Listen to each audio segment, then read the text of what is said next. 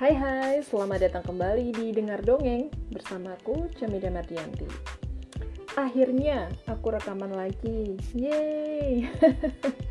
Udah lama banget aku nggak ngerekam uh, dongeng aku. Jadi aku udah sekitar satu bulan lebih, mungkin dua bulan atau mungkin tiga bulan ya.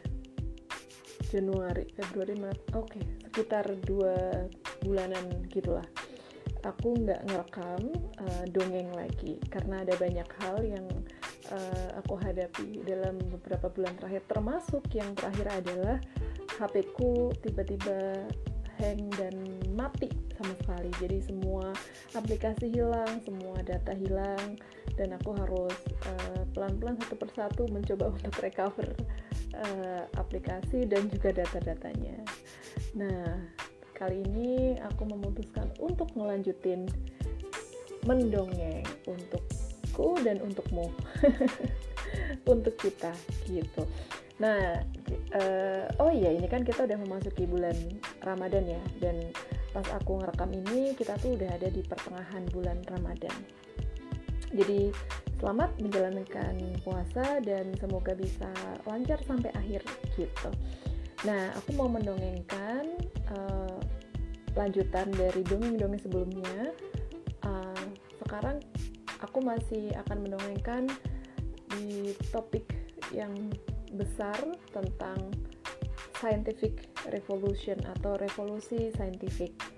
Nah, kali ini subjudulnya adalah tentang cita-cita kemajuan.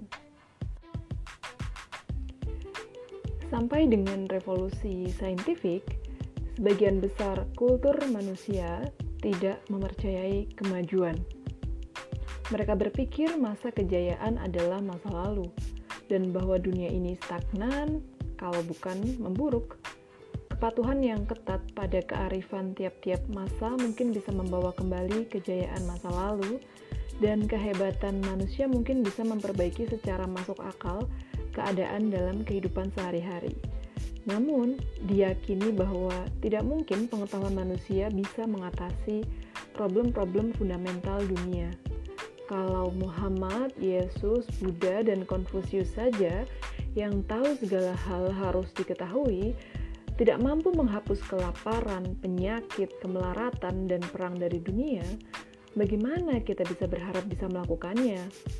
Banyak agama meyakini bahwa suatu hari nanti seorang Almasi akan muncul dan mengakhiri semua perang, kelaparan, dan bahkan kematian itu sendiri. Namun, pandangan bahwa manusia bisa melakukan itu dengan menemukan teknologi baru dan menciptakan alat-alat baru malah lebih buruk dari menggelikan. Itu namanya kesombongan. Kisah menara Babel, kisah Ikarus, kisah Golem, dan tak terhitung mitos-mitos mengajarkan orang bahwa setiap upaya untuk melampaui batas manusia tak terelakkan mengarah pada kekecewaan dan bencana. Ketika kultur modern mengakui bahwa ada banyak hal penting yang masih belum diketahui, dan ketika pengakuan akan ketidaktahuan itu bersekutu dengan ide bahwa penemuan-penemuan saintifik bisa memberi kita kekuatan-kekuatan baru, orang mulai curiga bahwa jangan-jangan kemajuan real itu memang bisa terjadi Ketika sains mulai mengatasi satu problem yang tak terpecahkan satu demi satu, banyak orang menjadi yakin bahwa manusia bisa mengatasi problem apa pun dan yang mana pun dengan meraih serta menerapkan pengetahuan baru. Kemiskinan, sakit, perang, kelaparan, usia tua, dan kematian itu sendiri bukanlah nasib tak terelakkan bagi manusia. Semua itu hanyalah buah dari ketidaktahuan kita. Contoh yang terkenal adalah petir. Banyak kultur percaya bahwa petir adalah palu dewa yang marah yang digunakan untuk menghukum para pendosa. Pada, pada pertengahan abad ke-18, dalam salah satu eksperimen yang paling dielu-elukan dalam sejarah sains, Benjamin Franklin menerbangkan sebuah layang-layang ketika badai petir untuk menguji hipotesisnya bahwa petir hanyalah sebuah arus listrik. Observasi empiris Franklin digabung dengan pengetahuannya tentang kualitas-kualitas energi listrik memungkinkan dia menemukan batang petir dan melucuti senjata para dewa. Kemiskinan adalah contoh bagus lainnya. Banyak kultur memandang kemiskinan sebagai bagian tak terelakkan dari dunia yang tidak sempurna. Menurut Perjanjian Baru, tak lama sebelum penyaliban, seorang perempuan mengurapi Kristus dengan minyak mulia bernilai 300 denari. Para murid Yesus menghardik perempuan itu karena membuang-buang uang sebanyak itu, alih-alih memberikannya kepada orang miskin. Tetapi Yesus membela dia dengan berkata, Orang miskin akan selalu ada bersamamu dan kamu bisa membantu mereka kapan pun kamu mau. Tapi kamu tidak akan selalu bersamaku. Markus 14:7 Kini semakin sedikit dan semakin sedikit orang, termasuk semakin sedikit orang Kristen, yang setuju dengan Yesus dalam hal ini. Kemiskinan semakin dipandang sebagai problem teknis yang bisa diubah melalui intervensi. Ada kearifan umum bahwa kebijakan-kebijakan yang didasarkan pada temuan-temuan terbaru dalam agronomi, ekonomi, kedokteran, dan sosiologi bisa mengeliminasi kemiskinan. Dan sungguh, banyak bagian dari dunia ini sudah dibebaskan dari bentuk-bentuk paling buruk dari kemiskinan. Sepanjang sejarah, masyarakat-masyarakat menderita karena dua jenis kemiskinan, yaitu kemiskinan sosial yang mencegah seseorang meraih kesempatan yang tersedia bagi orang lain dan kemiskinan biologis yang menempatkan kehidupan individu-individu pada risiko karena tiadanya makanan dan tempat tinggal. Mungkin kemiskinan sosial tidak pernah bisa dientaskan, tetapi di banyak negara di seluruh dunia, kemiskinan biologis adalah keadaan masa lalu. Sampai dengan masa yang mutakhir, sebagian besar orang mengam mengambang sangat dekat dengan garis kemiskinan biologis yang di bawahnya orang tidak punya cukup kalori untuk bertahan hidup lama. Bahkan miskalkulasi-miskalkulasi atau kemalangan-kemalangan kecil bisa dengan mudah mendorong orang ke bawah garis itu menuju kelaparan. Bencana-bencana alam dan bencana-bencana akibat ulah manusia sering menjerumuskan segenap populasi ke dalam neraka yang menyebabkan kematian jutaan orang. Kini, sebagian besar penduduk dunia memiliki jaring pengaman yang dibentangkan di bawah mereka. Individu-individu dilindungi dari kemalangan personal dengan asuransi, jaminan sosial yang disponsori negara, dan semaraknya organisasi non-pemerintah internasional. Ketika bencana melanda satu wilayah, upaya-upaya bantuan seluruh dunia biasanya berhasil mencegah keadaan memburuk. Orang masih menderita dari berbagai degradasi, penistaan, dan sakit terkait kemiskinan, tetapi di sebagian besar negara tak seorang pun yang kelaparan sampai mati. Malah di banyak masyarakat semakin banyak orang yang berada dalam bahaya kematian akibat kegemukan ketimbang kelaparan. Proyek Gilgamesh Dari seluruh problem manusia yang seakan-akan tak bisa diatasi, ada satu yang tetap paling mengusik, paling menarik, dan paling penting, yaitu problem kematian itu sendiri. Sebelum era modern akhir, sebagian besar agama dan ideologi menerima begitu saja bahwa kematian adalah nasib kita yang tak terelakkan. Lebih dari itu, sebagian besar agama menjadikan kematian sebagai sumber utama pemaknaan kehidupan. Coba bayangkan Islam, Kristen, atau agama kuno Mesir dalam sebuah kata tanpa kematian.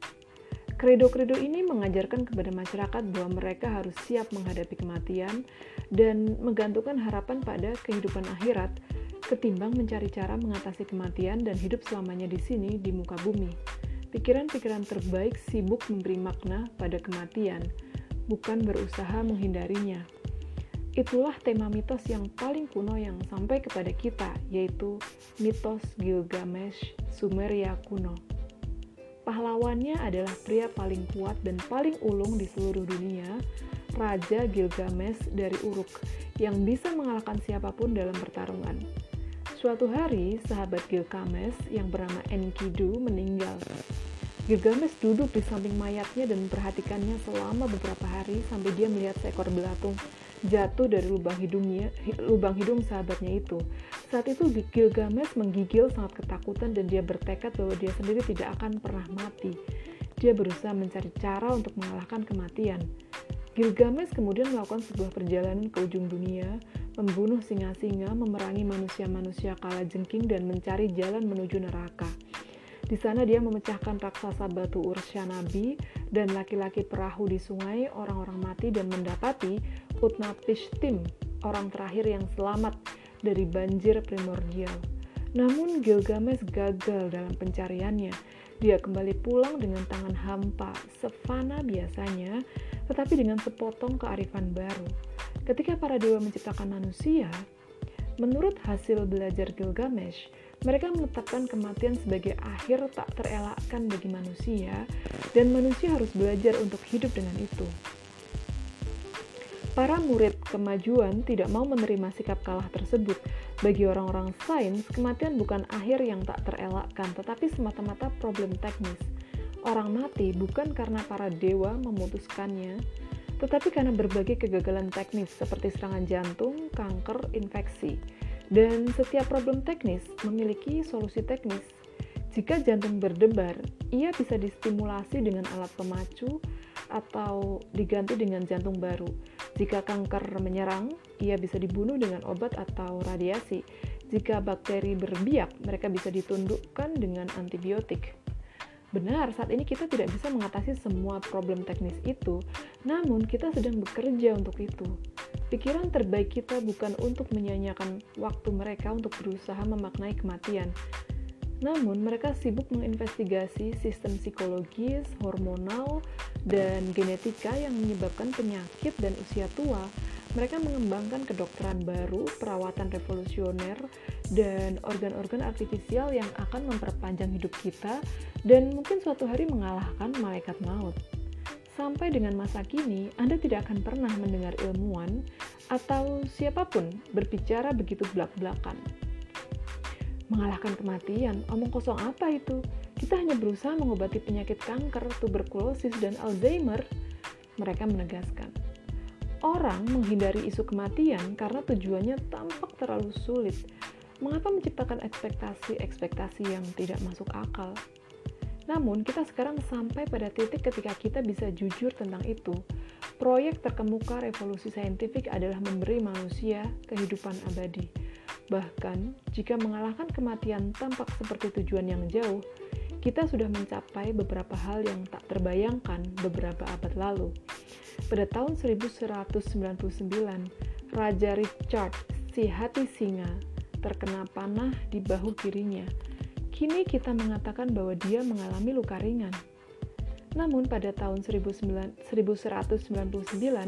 karena tiadanya antibiotik dan metode sterilisasi efektif, luka ringan itu menjadi infeksi dan terbentuklah gangren atau pembusukan. Satu-satunya cara untuk menghentikan penyebaran gangren pada abad ke-12 di Eropa adalah dengan memotong daging yang terinfeksi. Tetapi tidak mungkin karena infeksi itu ada di bahu. Gangren menyebar ke seluruh tubuh si hati singa dan tak ada yang bisa membantu sang raja.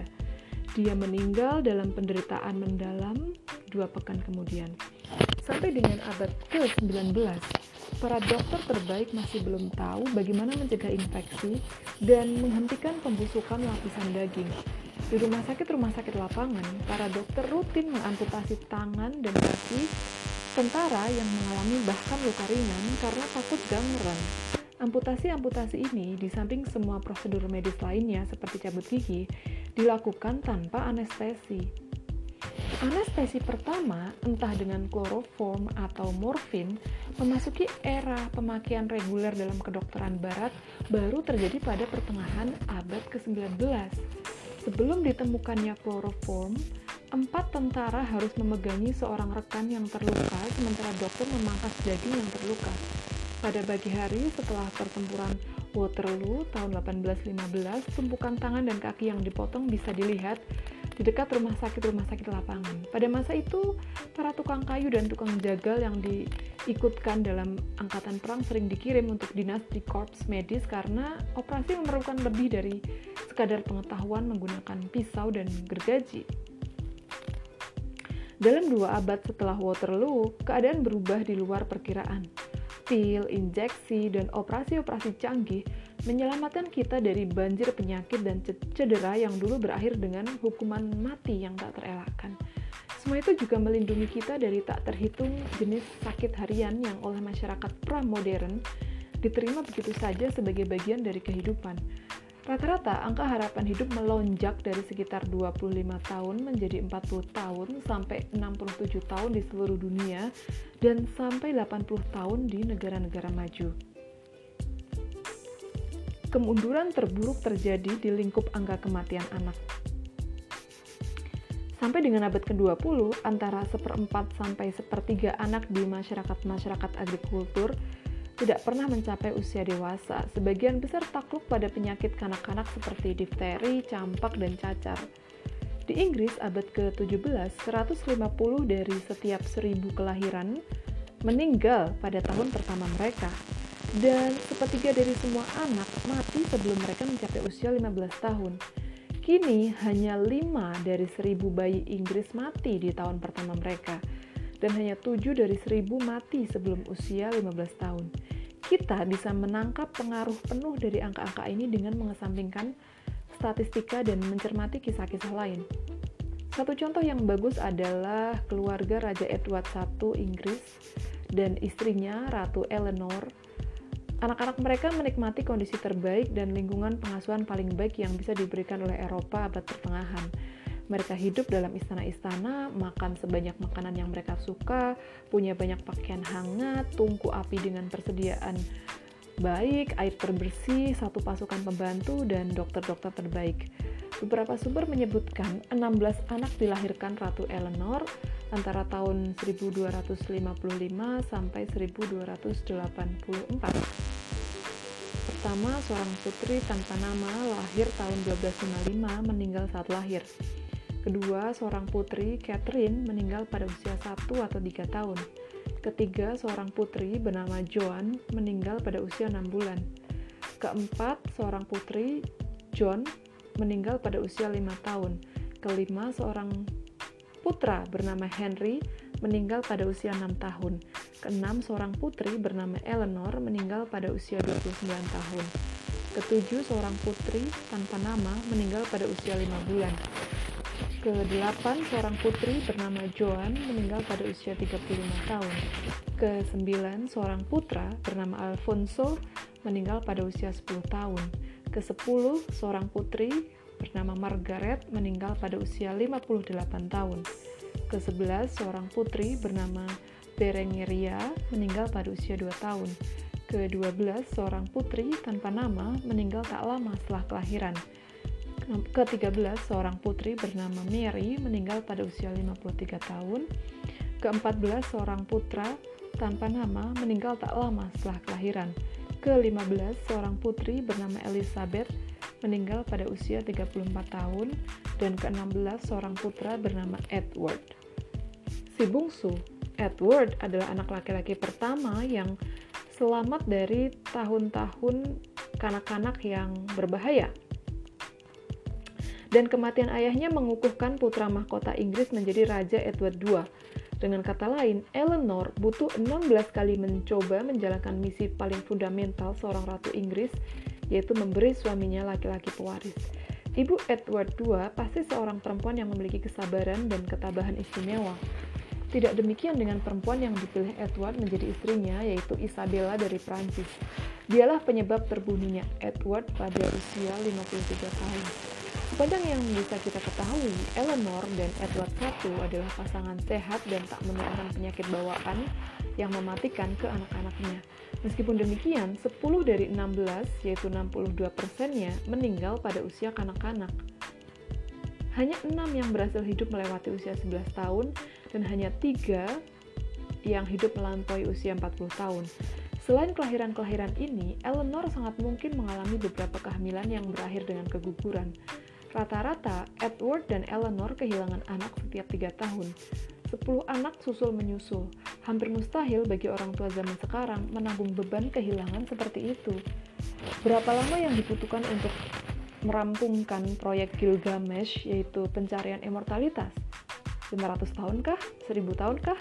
Ketika kita mengenang betapa sedikit yang kita tahu tentang tubuh manusia pada tahun 1900 dan betapa banyak pengetahuan yang kita dapatkan dalam satu abad saja, maka ada alasan untuk optimistis. Para insinyur genetika belum lama ini berhasil memperbesar enam kali lipat rata-rata harapan hidup cacing-cacing Cynorhabditis elegans worms. Bisakah mereka lakukan hal yang sama untuk Homo sapiens? Para ahli nanoteknologi sedang mengembangkan sistem kekebalan bionik yang tersusun atas jutaan robot nano yang akan menghuni tubuh-tubuh kita, membuka saluran-saluran darah yang terblokade, memerangi virus dan bakteri, mengeliminasi sel-sel kanker, dan bahkan membalikkan proses-proses penuaan. Beberapa ahli yang serius mengemukakan bahwa pada tahun 2050, sebagian manusia akan menjadi amortal bukan immortal karena mereka tetap masih bisa mati akibat kecelakaan, sedangkan amortal berarti bahwa dengan absennya trauma fatal kehidupan mereka bisa diperpanjang tak terbatas. Bahwa dengan absennya trauma fatal, kehidupan mereka bisa diperpanjang tak terbatas. Entah proyek Gilgamesh berhasil atau tidak dari perspektif sejarah, Menarik untuk melihat bahwa sebagian besar agama dan ideologi modern akhir sudah menempatkan kematian dan kehidupan setelah mati di luar rumus persamaan. Sampai dengan abad ke-18, agama-agama memandang kematian dan kehidupan sesudahnya penting untuk memaknai kehidupan. Dimulai dari abad ke-18, agama-agama dan ideologi-ideologi seperti liberalisme, sosialisme, dan feminisme kehilangan minat pada kehidupan setelah mati apa sih sesungguhnya yang terjadi pada seorang komunis setelah dia mati? Apa yang terjadi pada seorang kapitalis? Apa pula yang terjadi pada seorang feminis? Tak ada gunanya mencari jawaban dalam tulisan Marx, Adam Smith, atau Simone de Beauvoir. Satu-satunya ideologi modern yang masih menempatkan kematian pada peran sentral adalah nasionalisme. Dalam momen-momennya yang lebih puitis dan putus asa, Nasionalisme menjanjikan bahwa siapa pun yang mati demi negara akan hidup selamanya dalam kenangan kolektif. Namun, janji ini begitu membingungkan yang bahkan orang paling nasionalis pun tidak benar-benar tahu seperti apa